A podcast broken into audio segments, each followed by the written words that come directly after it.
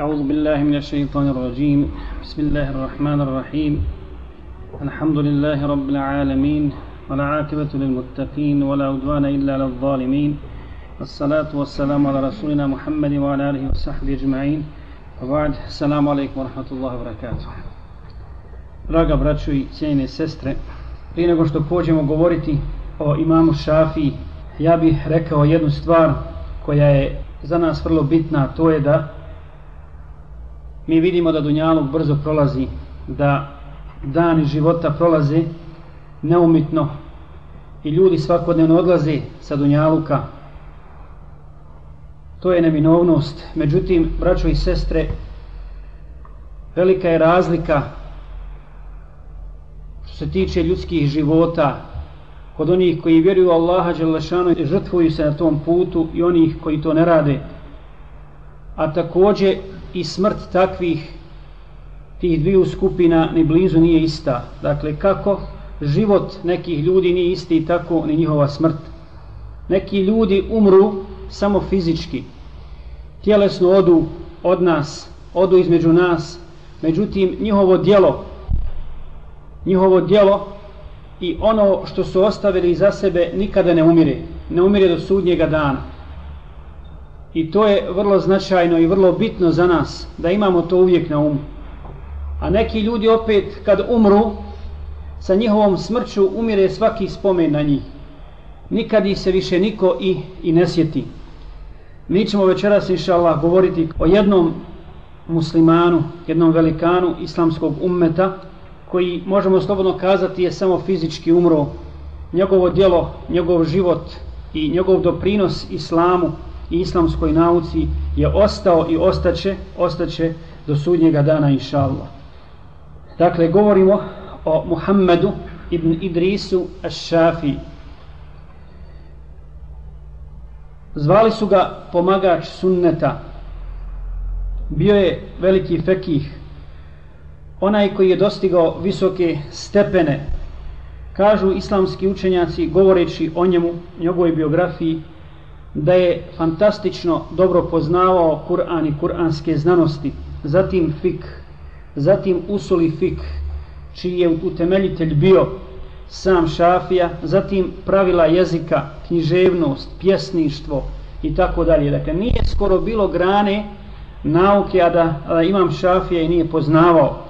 Osim toga, bio je iskreni, istinski Allahov rob, veliki pobožnjak, a jedna od njegovih osobina, odnosno karakteristika iz njegove biografije, što ga svakako svrstava među one najbolje, jeste i to da je bio iz plemena Kurejš, dakle njegova loza vodi iz plemena Kurejš, odakle iz kojeg plemena je bio i Muhammed sallallahu alaihi ve sellem.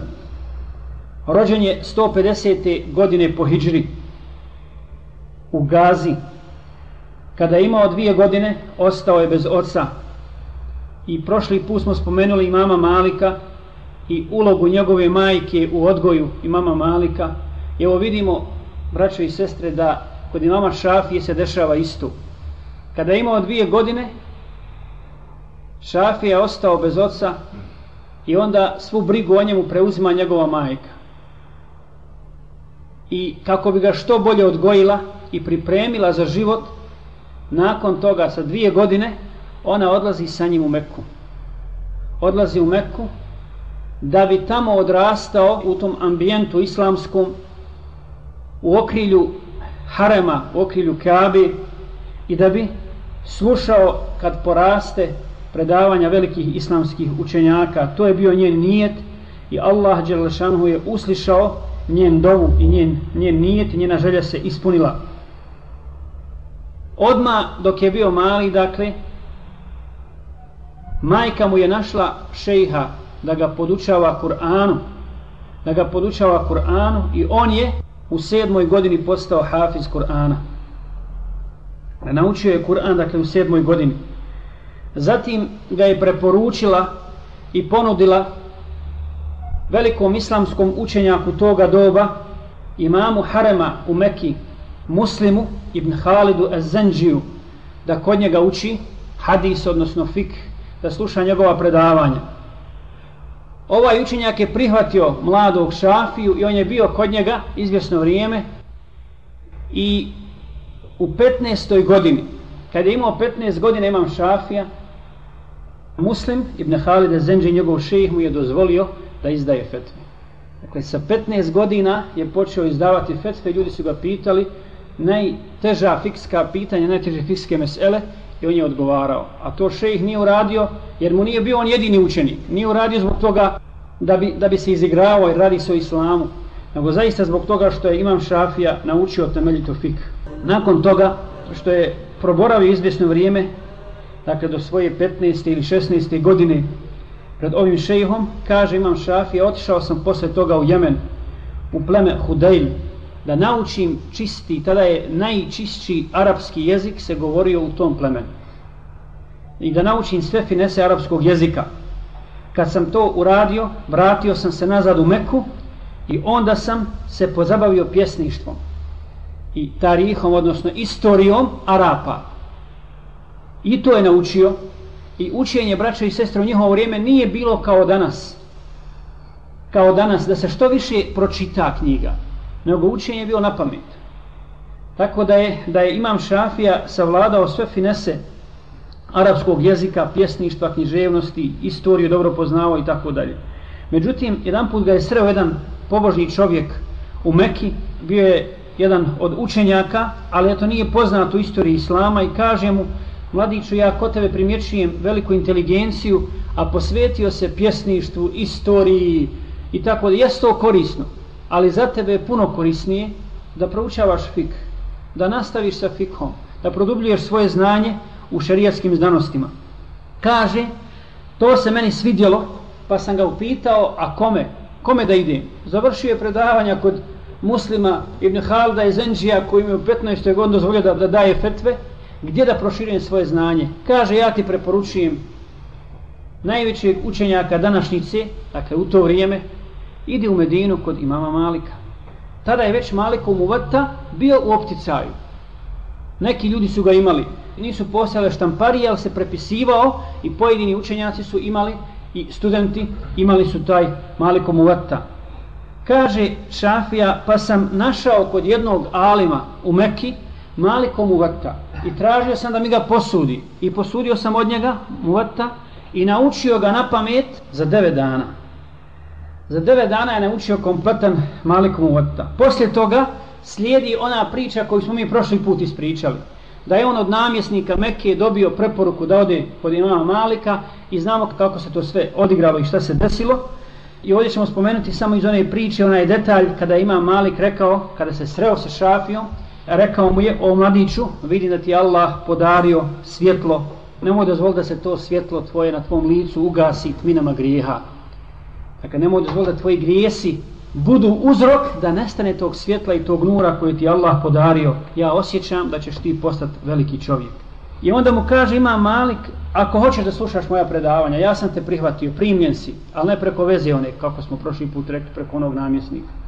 Primljen si da slušaš predavanja, ali moraš naći nekoga ko će ti čitati mu vatu moju i ti je učiti i onda doći kod mene da, da vidim da jesi naučio. Pa kaj ja to već znam. Ja već znam ovaj ta. A dobro kad dođe sutra pa da, da vidimo. Došao imam šafe i tako za nekoliko dana završio mu vrta kod imama Malika. Kod imama Malika je naučio hadis, puno je se okoristio i ostao je u Medini sve do smrti imama Malika. Nije ga dakle imam šafe napuštao. Naučio je fik fetve ashaba, a posebno je dobro poznavao dijela Ehlul Medine, kako se to u fikhu zove, dakle stanovnika Medine, jer ima Malik je uzimo mišljenje stanovnika Medine kao dokaz, kao dokaz u vjeri.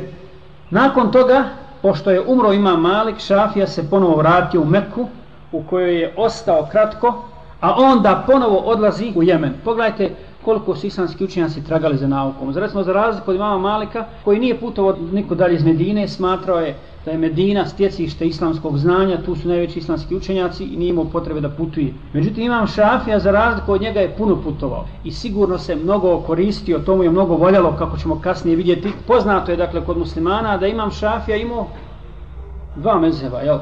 Promijenuo dva mezheba, novi i stari, pa ćemo vidjeti o čemu se tu radi. U Jemen, kad je došao, za kratko vrijeme on je okupio halke ljudi, dolazili su da ga slušaju i tako dalje.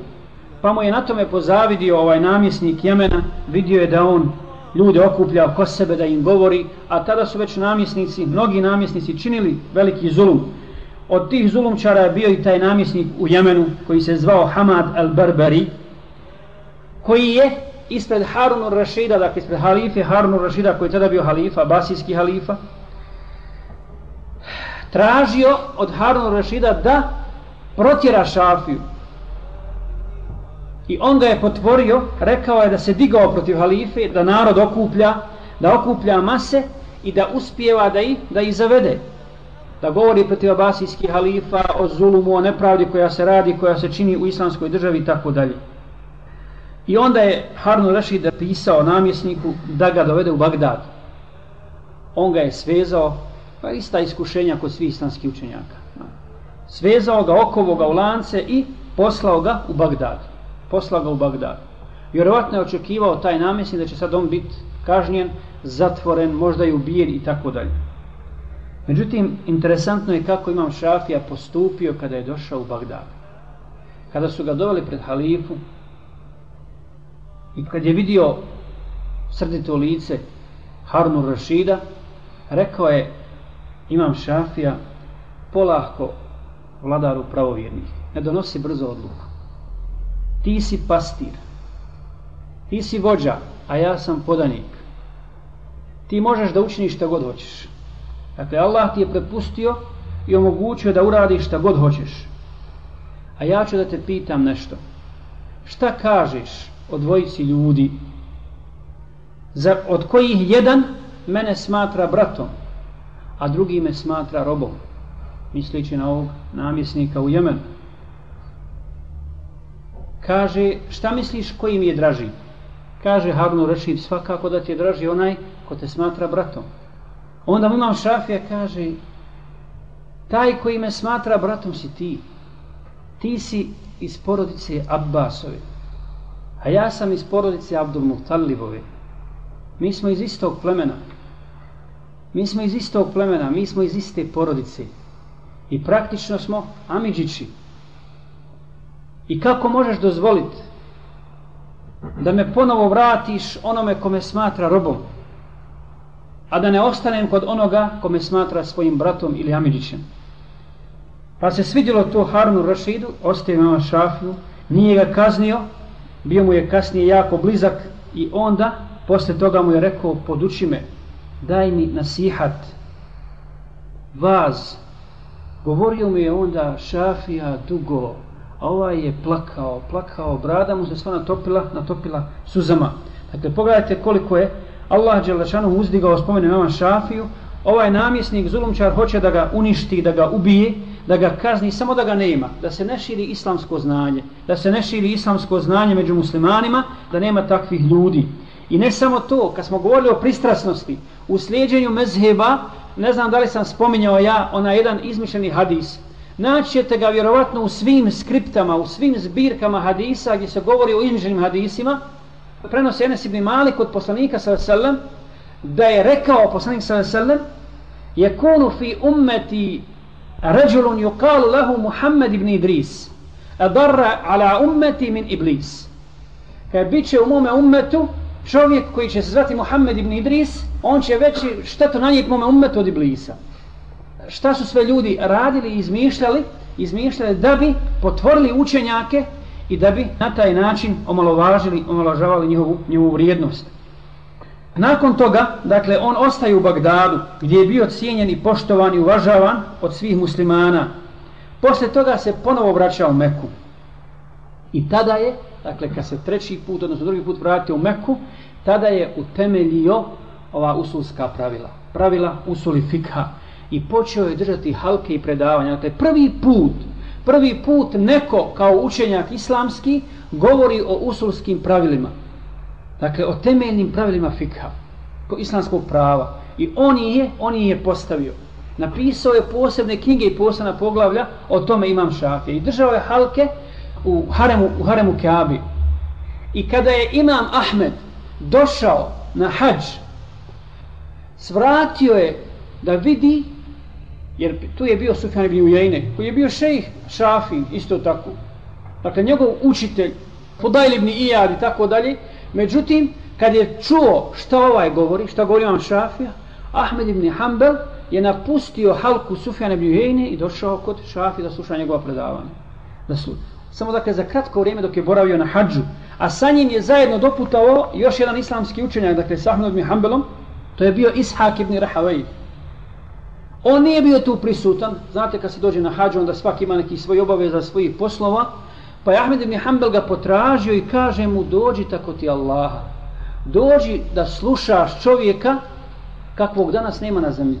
Dakle, ono što ćeš čuti od njega, nećeš čuti ni od koga drugog. Imam Ahmed, dakle, se bio, bio je uh, zadivljen, zadivljen imamom Šafijom. Zato je rekao Ahmed ibn Hanbel, vrata fikha su bila zatvorena, odnosno zaključana dok i nije otvorio imam Šafija. I kada imam Šafija drugi put posjetio Bagdad, Ahmed ibn Hanbel je bio na samrti. Bio je teško bolestan. I posjetio ga je, došao mu je u posjetu. Njegov sin Salih, sin Ahmed ibn Hanbela, njegov sin Salih priča o tom događaju, kada je moj otac je ležao nepomičan. Bio je teško bolestan.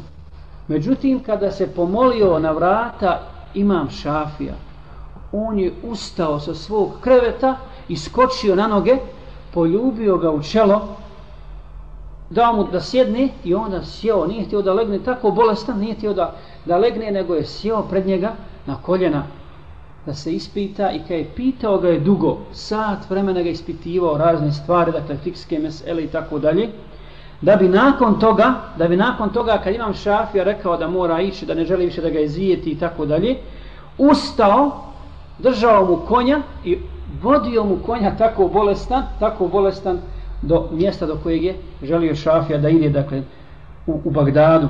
Kad je to čuo, Jahja ibn Mu'in, poznati muhaddis, došao je Ahmed ibn Hanbelu, dakle, poznati islamski učenja, došao i kaže, zašto sebe ponižavaš tako? Zašto ti da vodiš povodac od konja, da vodiš konja do mame Šafija? Kaže mu Ahmed ibn Hanbel, da se ti bio s druge strane i vodio konja s druge strane, ne bi ti ništa falilo. Ne bi ništa izgubio, dakle, i ne bi se, ne bi se zbog toga ponizio. Za imama Šafi Ahmed ibn Hanbel kaže, tako mi Allaha 40 godina, 40 godina nisam nikad zaspao, a da nisam učivao dovu Allahu za imama Šafi. 40 godina. Njegov sin Abdullah, dakle drugi sin Ahmed ibn Hanbala kaže, pitao sam jedan put svoga oca, ko je taj šafija?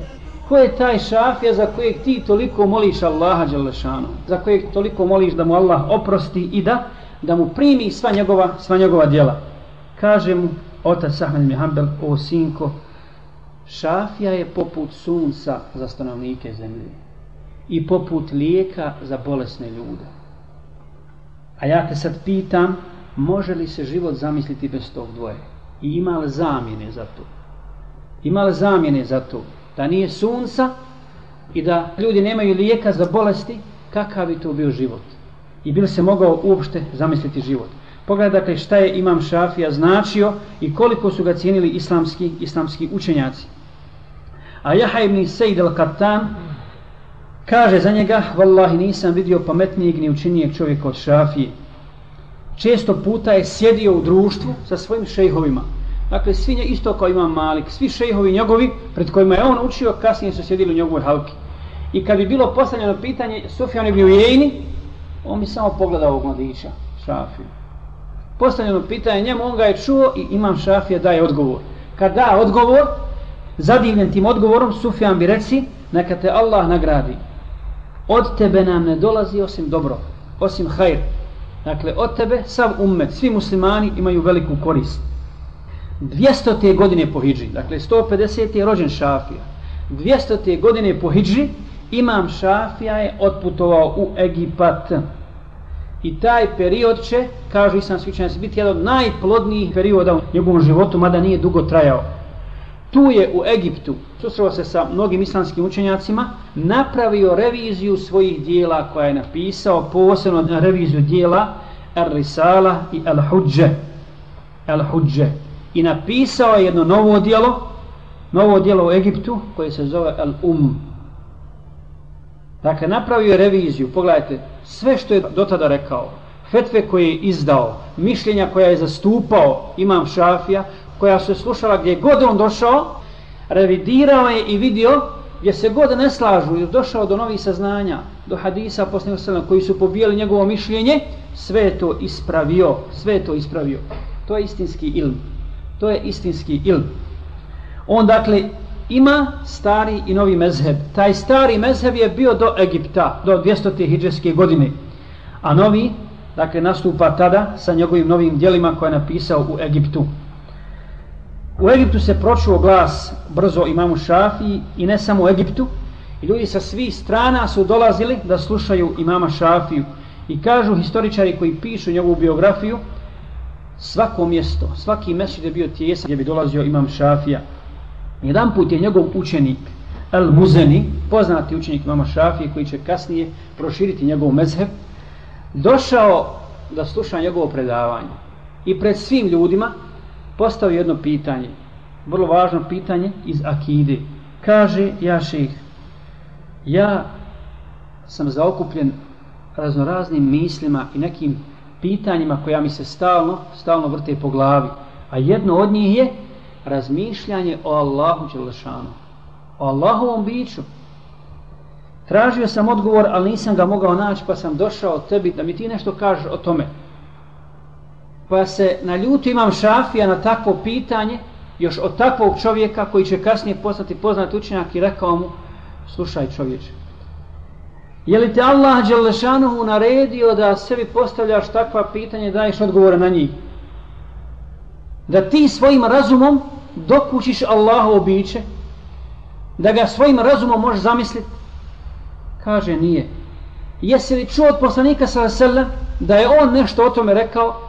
Da je uputio čovjeka na njegov razum da razmišlja razumom na taj način o Allahu, Allahom biću, e nisam. Jesi li čuo da je to prenašeno da sahaba, da su ashabi na taj način raspravljali? Kaže, nisam. Pa ga pita šafija, tako ti Allaha, znaš li ti koliko ima zvijezda na nebesima? Kaže, ne znam. Znaš li od čega su stvorene? Od čega su stvorene zvijezde? Kaže, ne znam. Kaže, subhanallah. Ne znaš ništa onome što vidiš svojim očima. A hoćeš svojim razumom da dokućiš? Allahu običe. Allahu običe. Zašto to radiš?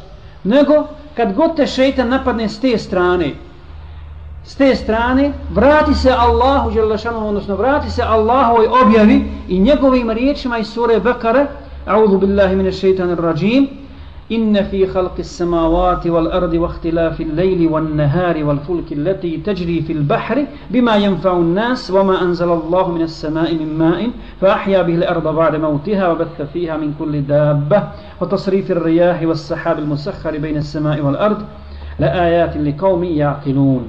Pogledajte, na koji ajet ga upozorava imam Šafi i kaže Allah u stvaranju nebesa i zemlje smjena noći i dana, lađa koja morem plovi, na tore na korisnim torima za ljude, kiša koju Allah s neba spušta i u život vraća s njome zamrlu zemlju, po kojoj je rasijao raznorazna stvorenja, promjena vjetrova, oblaci koji između neba i zemlje plove, doista su dokazi, dokazi za one koji, koji razmišljaju, koji pamet, koji pamet imaju.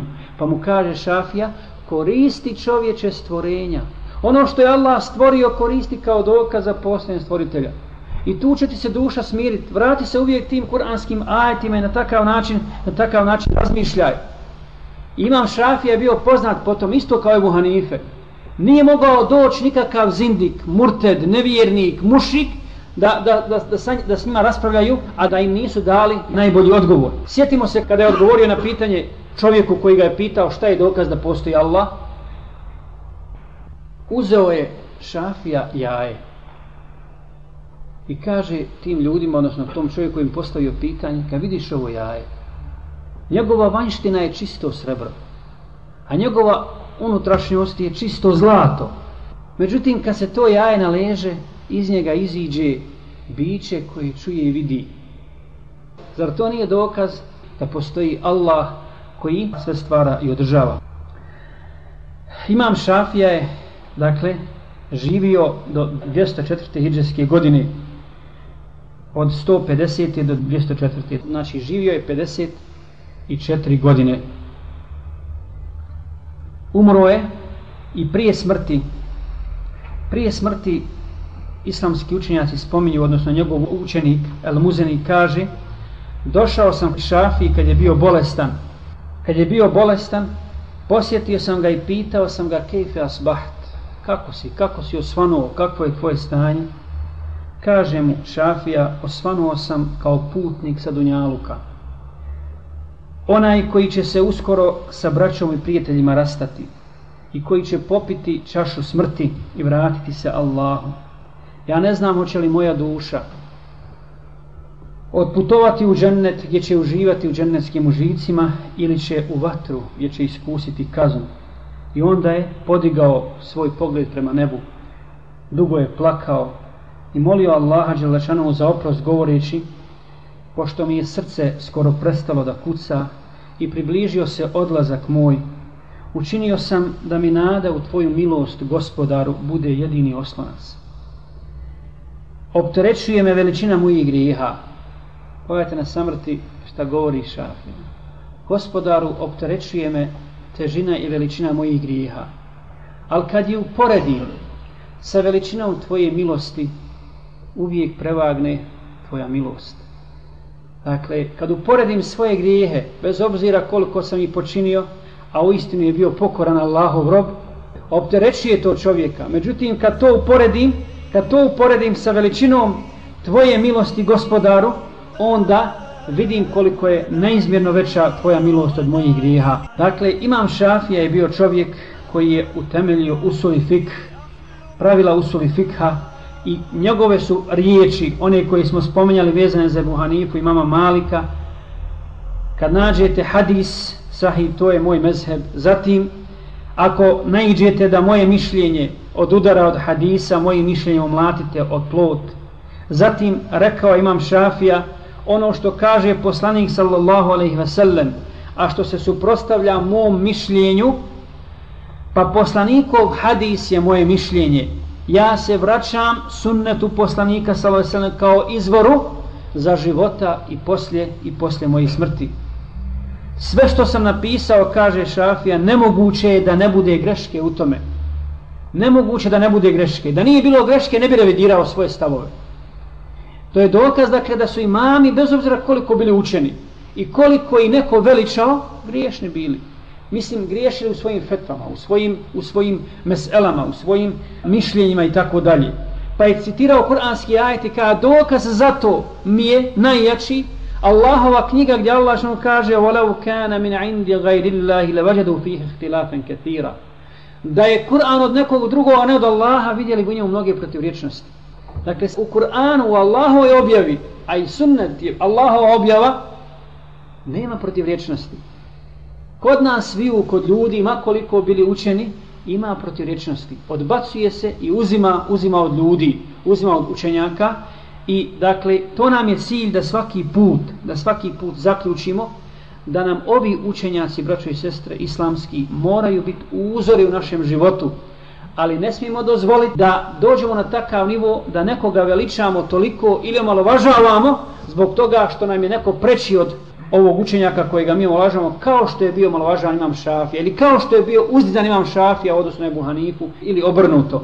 Dakle, oni su imami koji su nam ugazili stazu, utrli taj put Kur'ana i sunneta, čuvari sunneta i mi samo to treba da slijedimo.